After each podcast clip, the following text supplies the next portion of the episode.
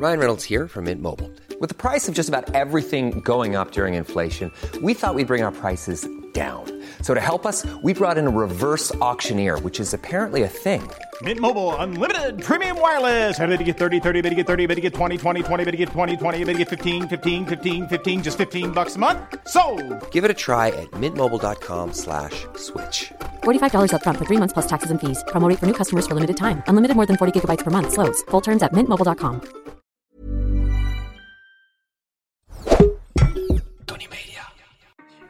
Het is oorlog in Europa. Gaan we allemaal dood in een kernoorlog? Nee, ik denk het niet. Gaat de oorlog de wereld veranderen? Dat weet ik zeker. In samenwerking met Dagblad Trouw probeer ik met deze podcast grip te krijgen op de oorlog. Hier houd ik je wekelijks op de hoogte van de situatie in Oekraïne en Rusland. Eerst nog even dit. Ik heb op al mijn reizen echt op de raarste plekken geslapen. Dat hoort natuurlijk een beetje bij reizen, afzien en liggen op een gek bed. Een van de raarste plekken waarop ik heb gelegen is op een bijenkast in West-Oekraïne. Oekraïners die noemen dat bijentherapie.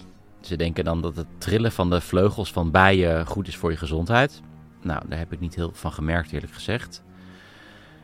In ieder geval, eh, mocht je nou thuis niet goed slapen en slapen op een bijenkast is niet jouw ding of gewoon praktisch moeilijk uit te voeren, denk dan aan de matrassen van Mad Sleeps. Dat is een Nederlands matrassenmerk en die matrassen worden gemaakt in Duitsland.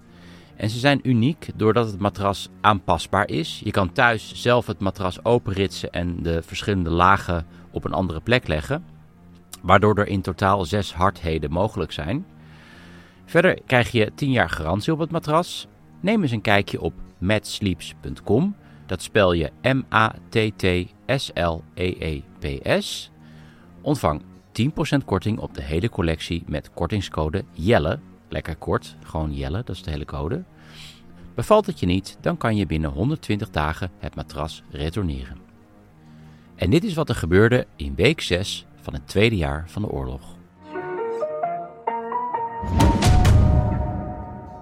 Vandaag is een historische dag, want Finland is vandaag toegetreden tot de NAVO, wat een direct gevolg is van de invasie van Oekraïne. Want voor de invasie was maar 20% van de Finnen voor toetreding tot de NAVO. Maar daarna was dat in één klap 80%. Want de Finnen snappen dat een invasie van Oekraïne een gevaarlijk president schept. En dat Rusland na een succesvolle oorlog in Oekraïne ja, gewoon elk willekeurig land binnen kan gaan vallen. Vanmiddag werd de Finse vlag gehesen op het hoofdkwartier van de NAVO in Brussel. En daar vindt vandaag een top plaats van alle NAVO-lidstaten. En president Niinisto van Finland was daar dus ook aanwezig. Officieel begon Rusland vorig jaar de oorlog met Oekraïne omdat Oekraïne plannen zou hebben om toe te treden tot de NAVO. Maar goed, de afgelopen maanden viel Rusland ook niet Finland binnen. Terwijl die natuurlijk bezig waren met het lidmaatschap van de NAVO. En terwijl die twee landen ook een grens van 1300 kilometer delen. En de NAVO-grens trouwens vanaf vandaag nog maar 70 kilometer van Petersburg ligt. Ja, dit is even een reminder dat uitbreiding van de NAVO altijd maar een smoes is geweest voor het binnenvallen van Oekraïne. Al wordt dat nog steeds aangehaald door sommige geopolitieke experts helaas. Hoe dan ook, al die NAVO-landen die bespreken vandaag hoe ze Oekraïne het beste kunnen helpen bij een tegenoffensief tegen Rusland. Uh, dat natuurlijk nog steeds niet is begonnen. Aan het front is de strijd namelijk nog steeds gefocust rond Bakhmut. Deze week waren beelden te zien van eenheden van Wagner die een Russische vlag planten op het gemeentehuis in Bakhmut. En er waren ook beelden van Yevgeny Prigozhin, de baas van Wagner, die daar ook een vlag neerzet. Het is niet duidelijk te zien of hij ook echt op die plek was. In het westen van de stad zitten nog wel Oekraïnse soldaten, dus de stad is nog niet volledig in Russische handen. En die Prigozhin die bezit ook een restaurant in Sint-Petersburg, waar deze week een bekende Russische blogger om het leven kwam bij een explosie. En ja, het doet een beetje denken aan de bomaanslag waar Daria Dugina om het leven kwam.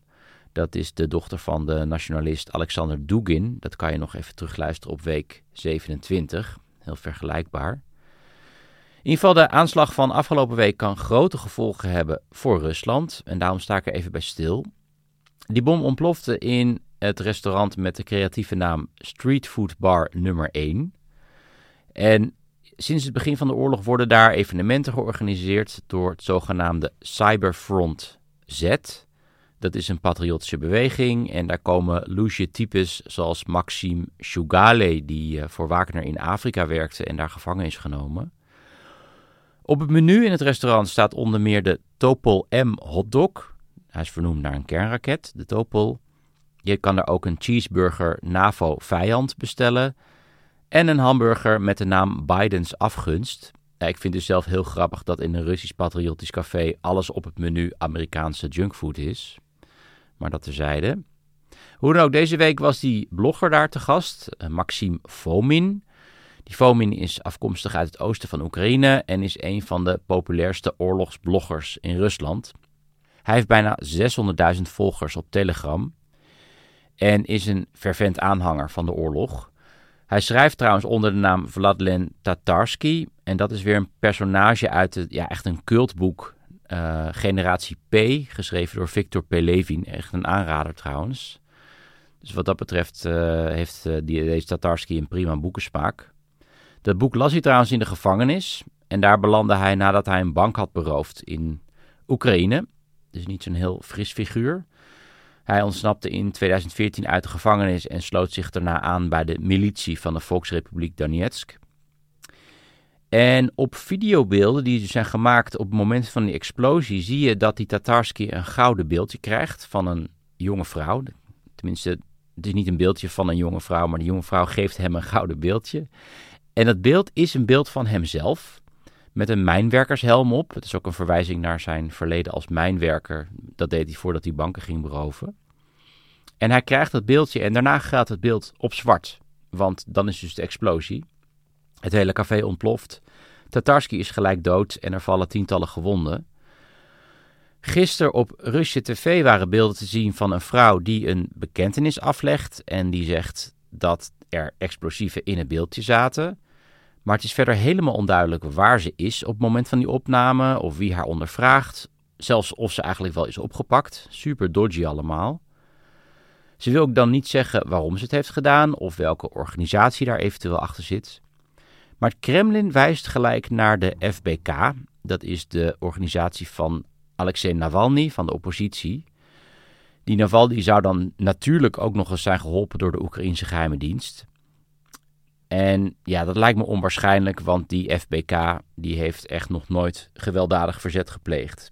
Maar dit zou een goed excuus kunnen zijn voor nog meer repressie in Rusland.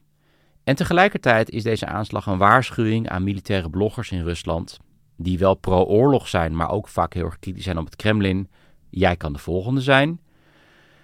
Het is heel goed mogelijk, en daar wordt ook volop over gespeculeerd op de Russische media, dat de Russische staat achter deze aanslag zit.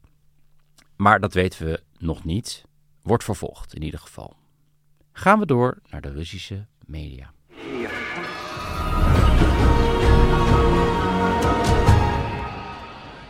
Ja, in Oekraïne werd een bericht veel gedeeld over de pro-Russische Michail Lugin.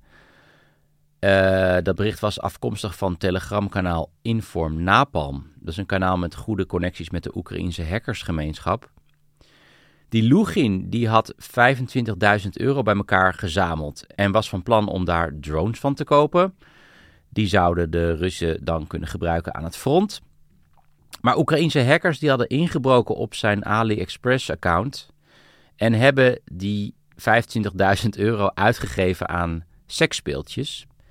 Dus nu heeft Lugin helemaal geen geld meer over om uh, iets naar het front te sturen. Nou ja, misschien kunnen die dildo's wel gebruikt worden in kogelvrije vesten. Misschien houden ze wel een kogel tegen als je maar genoeg dildo's gebruikt. Waarschijnlijk heb je dan betere kwaliteit kogelvrije vesten dan die van het Russische leger. Maar goed. Verder is er nu een golf van ex-gevangenen vrijgelaten die zich hadden aangemeld voor Wagner. En door een wonder uh, die vleesmolen aan het front hebben overleefd. Zoals beloofd worden die na een half jaar vrijgelaten. En het gaat echt om enkele duizenden mannen die vaak vastzaten voor moord en verkrachting en andere ernstige misdaden. En deze week kwam het moment dat je wist dat zou komen, namelijk ja, dat zo'n ex-gevangene thuiskomt en weer lekker aan het moorden sloeg. Het gaat in dit geval om de 28-jarige Ivan Rossomachin uit het gehucht Noviburits in Tatarstan. Ja, dat zit een beetje tegen Siberië aan. Die uh, Rossomachin die uh, moest eigenlijk 14 jaar uitzitten vanwege de moord op een dorpsbewoner, vanwege een burenruzie. Maar die had dus uh, ja, zich aangemeld bij Wagner en een half jaar aan het front gediend. En die werd vrijgelaten en die kwam 21 maart terug naar zijn dorp. En acht dagen later stak hij een 85-jarige vrouw dood in een nabijgelegen dorp. Die vrouw die runde daar een soort herberg en die Rossomachin die bracht daar de nacht door. Dat meldt de Russische journalistieke site Mediazona. En echt onverwacht kwam die moordpartij niet, want de dagen ervoor, dat meldde in ieder ooggetuigen in het dorp, de dagen ervoor liep hij al dronken door het dorp met een hooivork en een bijl. Hij sloeg daarbij de ruiten in van auto's en hij bedreigde een aantal mensen met de dood. Dus ja, en in plaats van die man nou op te pakken, verzekerde de plaatselijke politie de bewoners ervan dat die man binnenkort wel weer naar het front zou gaan. Maar goed, hij zit dus nu weer in de gevangenis. En ik ben eigenlijk wel benieuwd of hij zich dan weer gewoon weer aan kan melden om naar het front te gaan. In ruil voor vrijlating. Dat zou wel best wel maf zijn. Enfin, dit is natuurlijk een voorbode van een golf van geweld die ongetwijfeld door heel Rusland zal gaan dit voorjaar. Want ja, er zijn dus nog eens duizenden van deze moordenaars vrijgelaten die getraumatiseerd uh, van het front van Bachmoed komen en terug naar hun geboortedorpen gaan. Oké, en dan nog dit. Ja, het is altijd mijn nachtmerrie geweest dat ik dan aankom op Sheremetyevo, het vliegveld van Moskou, en dat iemand dan ja, een zakje kook of zoiets in mijn tas stopt en ik vervolgens tien jaar in een Russische gevangenis door moet brengen. Tussen dus de types waar ik het net over had. Eén keer kwam dat moment heel dichtbij. We filmden in de Caucasus, in de buurt van de grens van uh, Georgië. En we filmden ja, gewoon een wei met een koe erin. Maar alsnog werden we opgepakt omdat het grensgebied was en we daar niet mochten filmen. En met Georgië zo dichtbij werden we verdacht van spionage. En we hebben toen twee hele dagen in de cel gezeten. Dus met de hele tv-ploeg. Uiteindelijk, goddank, liep het toen met een sisser af. We hadden een uh, reportage over Beslan gemaakt. Daar was een uh, school gegijzeld met kinderen, kan je je misschien wel herinneren. En de chef van de politie kwam uit Beslan en we hadden hem die reportage laten zien en daar was hij wel van onder de indruk. En hij had ons vrijgelaten, heel random allemaal. Maar die angst hing eigenlijk altijd boven het hoofd. En tot nu toe sloot de Russische staat alleen maar Russische journalisten op en liet buitenlandse correspondenten met rust. Maar daar kwam deze week verandering in. De Amerikaanse correspondent Ivan Gershkovich werd opgepakt in Jekaterinburg, waar hij was voor een reportage over de Wagner-groep. Hij werkt voor de Amerikaanse krant Wall Street Journal en is echt ja, een hele goede journalist. Ik heb ook vaak zijn stukken gebruikt voor de podcast. En de krant heeft trouwens, de Wall Street Journal heeft al zijn stukken gratis beschikbaar gesteld. Uh, ik zal een link in de show notes zetten. Hij schreef trouwens vorige week nog een uitstekend stuk over de dramatische staat van de Russische economie. Dus dat zou je ook dan even terug kunnen lezen. Hoe dan ook, officieel is hij opgepakt voor spionage in een fabriek in Jekaterinburg. Maar dat is natuurlijk gewoon complete flauwkul. Hij kan daardoor tot 20 jaar celstraf krijgen. Dus het is echt wel heel heftig. En dat oppakken van Gershkovich heeft grote gevolgen. Natuurlijk allereerst voor Gershkovich zelf. Hij is een kind van twee Russische emigrees die de terreur van de Sovjet-Unie hadden ontvlucht. En nu zit hun zoon dus in de Lefortovo-gevangenis, die al in de Sovjet-tijd een van de meest beruchte gevangenissen van uh, de Sovjet-Unie was. En ja, het meest waarschijnlijk is eigenlijk dat die Gershkovich zal worden gebruikt als een ruilmiddel. Bijvoorbeeld voor Russen die daadwerkelijk spion zijn en ergens vastzitten in het buitenland. Of ja, hij kan ingezet worden op andere fronten. Voor Russen is het altijd handig om zo iemand achter de hand te hebben. En de kans is aanwezig dat na hem ook andere correspondenten zullen volgen. En ik denk als ik buitenlandcorrespondent was in Moskou, dan zou ik echt vandaag het vliegtuig naar huis nemen en ik weet nu ook dat ik zelf ook geen stap meer zal zetten in dat land zolang Poetin daar aan de macht is. Was ik ook al niet echt van plan, maar goed. En het heeft natuurlijk ook grote gevolgen voor de nieuwsgaring in Rusland, die natuurlijk al heel lastig was, maar nu bijna onmogelijk. En dat juist op het moment dat het zo belangrijk is om te weten wat er aan de hand is in Rusland. Ik had het er vorige week al over met mijn gast Eddy van Wessel. Dat propaganda zo'n belangrijke rol speelt in deze oorlog. Zowel aan de kant van Oekraïne als aan de Russische kant. En soms is het moeilijk om te onderscheiden wat nou echt is en wat nep is. Wordt soms ook wel de fog of war genoemd, de oorlogsmist.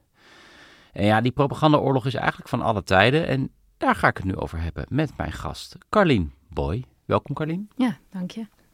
Carlien is mediaspecialist bij het Instituut voor Beeld en Geluid en werkt nu aan een tentoonstelling over de rol van propaganda in oorlogen, die vanaf 26 april te zien is in het Instituut voor Beeld en Geluid in Den Haag. Even een kleine disclaimer trouwens, ik geef daar zelf ook een lezing. Maar los van die tentoonstelling organiseren jullie ook nog andere dingen, toch? Rond dit thema. Uh, ja, we hebben uh, eigenlijk dit hele voorjaar um, tot met mei, juni het thema uh, mediaoorlog mm -hmm. bij Beeld en Geluid. En um, daar maken we ook lessen-ups um, voor onderwijs. Uh, lessen die docenten kunnen geven aan hun leerlingen. Het zijn een soort van lespakketten of zo? ja, het zijn een soort lespakketten online. Um, waarmee je een les kan verrijken. Mm -hmm. Dus uh, omdat vaak bij, uh, bij leerlingen... Ja, als je beeld laat zien, komt iets veel dichter of veel harder binnen. Mm -hmm. En dan heb je ook meteen iets om over te praten. Ja. dus dat doen we over propaganda. Um, ja, er zijn mediacolleges en we maken ook uh, twee podcasts. Die komen in de loop van de tentoonstelling, dus in april, mei, uh, komen die uh, beschikbaar. Oké, okay. hoe heet iedereen. die? Um, de ene heet Fake News en ja. de ander gaat over doxing. Okay. Um, en het zijn allebei verhalen over dit soort fenomenen in de Tweede Wereldoorlog. Okay. Want dat is eigenlijk wat we heel belangrijk vinden binnen die hele programmering. Um, om te laten zien en te laten horen dat um, ja, propaganda trucs eigenlijk niet veranderen. Ja, um, laten we daar eventjes een beetje ja. op, op inzoomen. Om te beginnen, wat verstaan we eigenlijk onder propaganda? Ja, propaganda is iets heel ingewikkelds, want het heeft heel veel verschijningsvormen. Um, maar het doel is altijd om um, mensen te overtuigen van een idee of uh, een gedachte. Um, eigenlijk om ze die te laten adopteren uh, voor de bestwil van iemand anders. Hm. Dus van een machthebber of uh, um, ja, het verkopen van een idee. Dat Ja. is eigenlijk uh, wat reclame is uh, commercieel. Dat is propaganda. Ja. Um, dus niet met een commercieel oogpunt, maar echt om een idee te laten adopteren. En in dit specifieke geval, geval is het idee, of het doel in ieder geval, een oorlog. Maar de, die, de brengen van die boodschap begint vaak al in aanloop naar een oorlog, toch? Um, hoeft niet altijd, maar een conflict of een oorlog ja, ontstaat nooit plotseling. Dat zie je ook in uh, Rusland en Oekraïne. Dat is iets wat vaak al heel lang broeit. En dat is wat propagandamakers ook uh, het liefste doen: inspelen op zaken die al leven in de samenleving. Of uh, onvrede. Um, Een onderbuikgevoel. Ja, onderbuikgevoelens. Echt broeiende sentimenten. En die wakkeren ze aan um, met ja, stootjes informatie. Ja, bijvoorbeeld um, in aanloop naar de Tweede Wereldoorlog zou je kunnen zeggen dat toen ook al, daarvoor al de jodenhaat werd aangewakkerd. Ja, zeker. Ja. Ja, ja, ja. Ja. Er waren al uh, filmpjes, er werden um, uh, uh, posters gemaakt, berichten in kranten. Als je vooral propaganda via media is echt een prachtige manier om op heel veel verschillende plekken je boodschap te, ver, ja, te verspreiden. Ja. Want we hebben het idee met ja, alle social media van nu en de, de snelheid waarmee beelden worden doorgegeven, dat dat iets is specifiek, specifiek voor deze oorlog, maar eigenlijk is propaganda van alle tijden, toch? Ik denk uh, zelfs misschien wel voordat er uh, echt grote media, vanaf het moment dat er was, waren er vijf cent prenten waarmee je propaganda kon verspreiden. Um, dus uh, ja, zodra je nieuws zeg maar voort kan, kan brengen, is het, uh, kun, je het, kun je het beïnvloeden. Ja. ja. Zijn er bepaalde patronen of trucjes die je bij elke oorlog terug ziet komen? Um, nou, als ze bij elke oorlog uh, terugkomen, dat weet ik niet zeker. Mm. Maar um, er zijn wel echt grote trucs, zoals uh, nou, gebruik van de geschiedenis. Um, Dus uh, uh, je kunt een groepsgevoel opwakkeren door nationale helden aan te halen en te kijken van nou kijk eens hoe, hoe fantastisch Nederland was. Um, een voorbeeld is het, het nou, wat je nu ziet. Um, is geen oorlog, maar het gebruik van een nationale symbool, de vlag, die de Mhm. boeren tijdens hun protesten omgekeerd in alle weilanden hadden staan. Um, Symbolen kunnen heel krachtig zijn. ja, Ook in Rusland, het, het Z-symbool bijvoorbeeld. Ja, Ja. Z-symbool, eh, de, de I met de trema, dat Oekraïne gebruikt. In de Tweede Wereldoorlog had je de V en de W, de V van vrijheid eh, en van, van verzet. Ehm, en later eh, van victorie van de Duitsers. Mhm. Want ook zie je dat symbolen ehm, en propaganda omgedraaid worden. Dus ehm, als de ene groep iets introduceert, dan gebruikt de andere groep vaak eenzelfde tactiek of soms zelfs hetzelfde symbool, zoals in de Tweede Wereldoorlog, de V, ehm, om het zich toe te eigenen en de campagne van de ander te smoren. Want die V werd ook gebruikt door de Duitsers? De V werd ook gebruikt door de Duitsers. Ja, ja.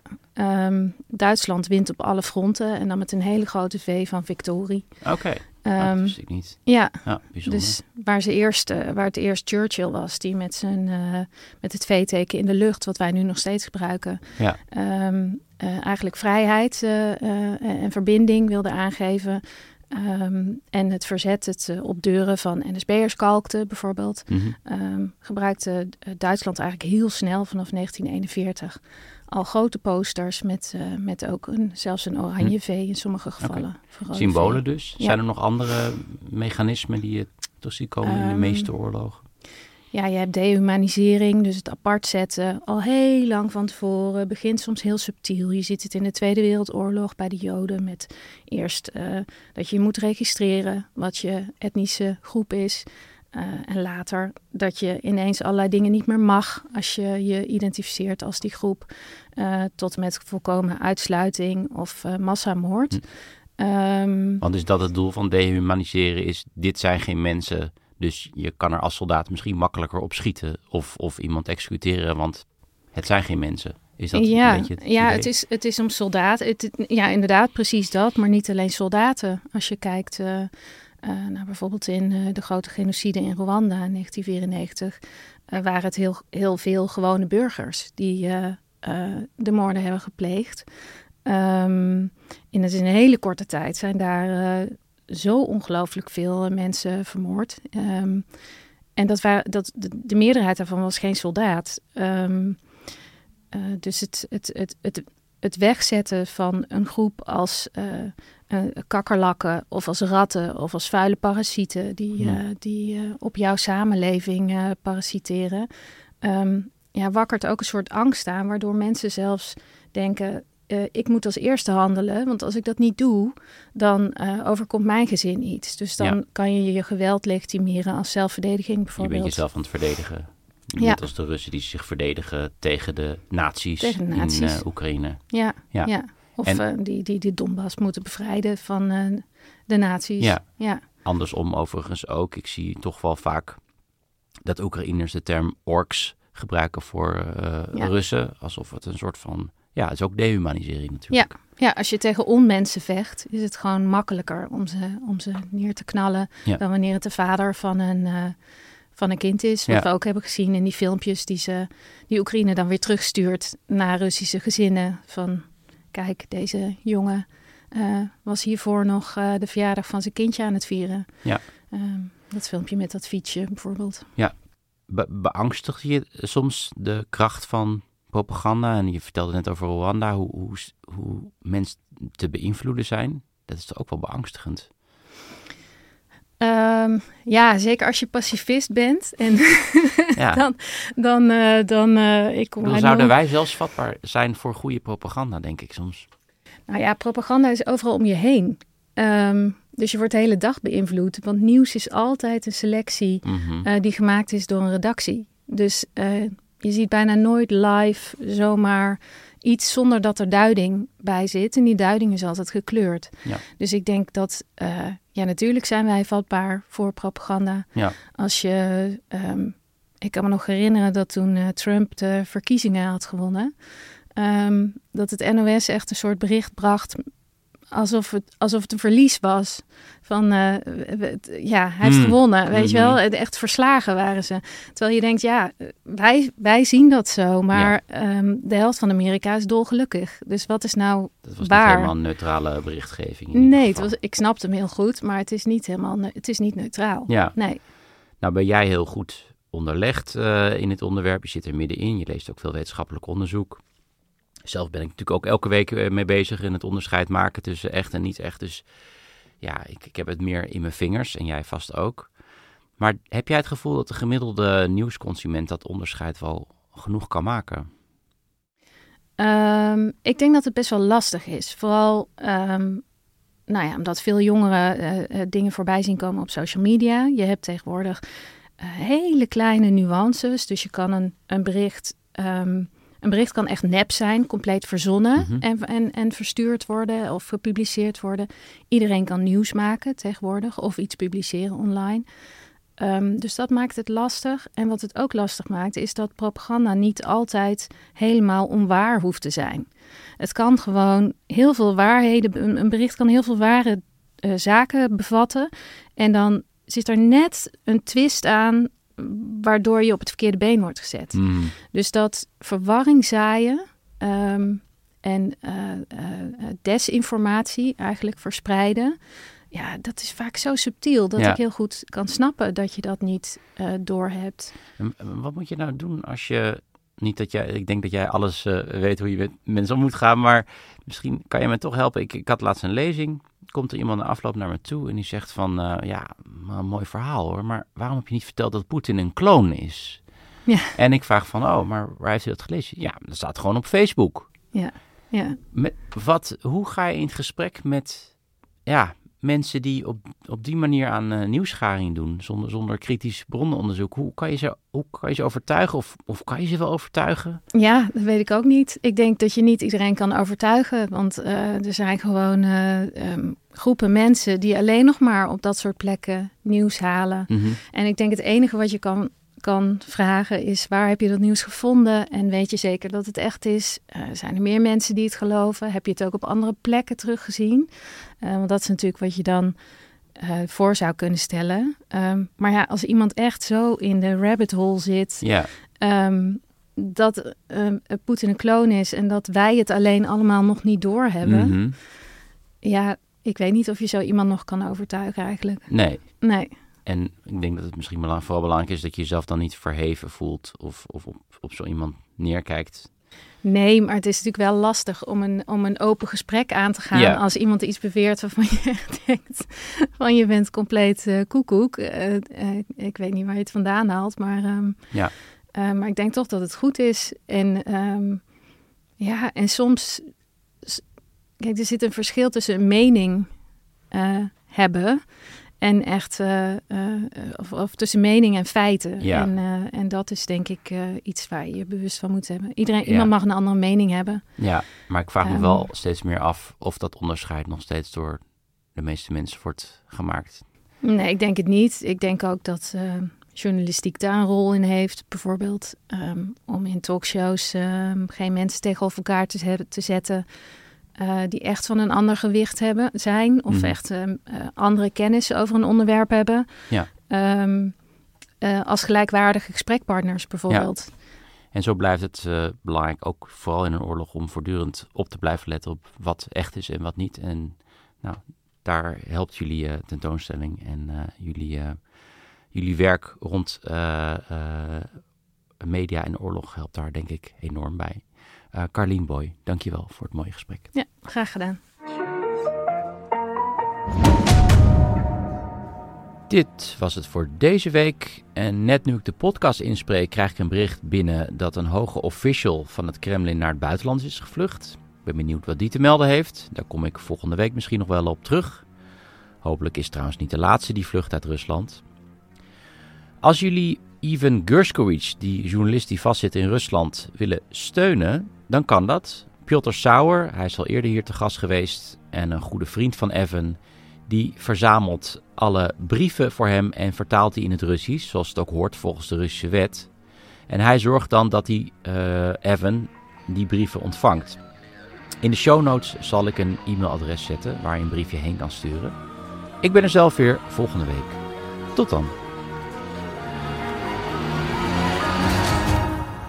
Dit was een productie van Tony Media en Dagblad Trouw. Voor meer verdieping ga naar trouw.nl.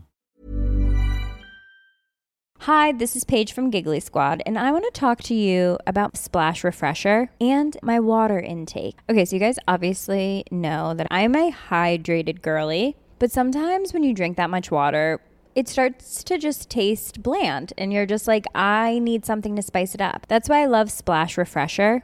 It has zero sugar, zero calories, and it's a splash of sweetness. And they come in five different flavors. They're so good wild berry, acai grape, pineapple mango, lemon, and mandarin orange. My favorite is the wild berry because I just I just love a berry. So if you're like me and you're drinking water all day, then try Splash Refresher. It's going to absolutely change your water game and it's good for you.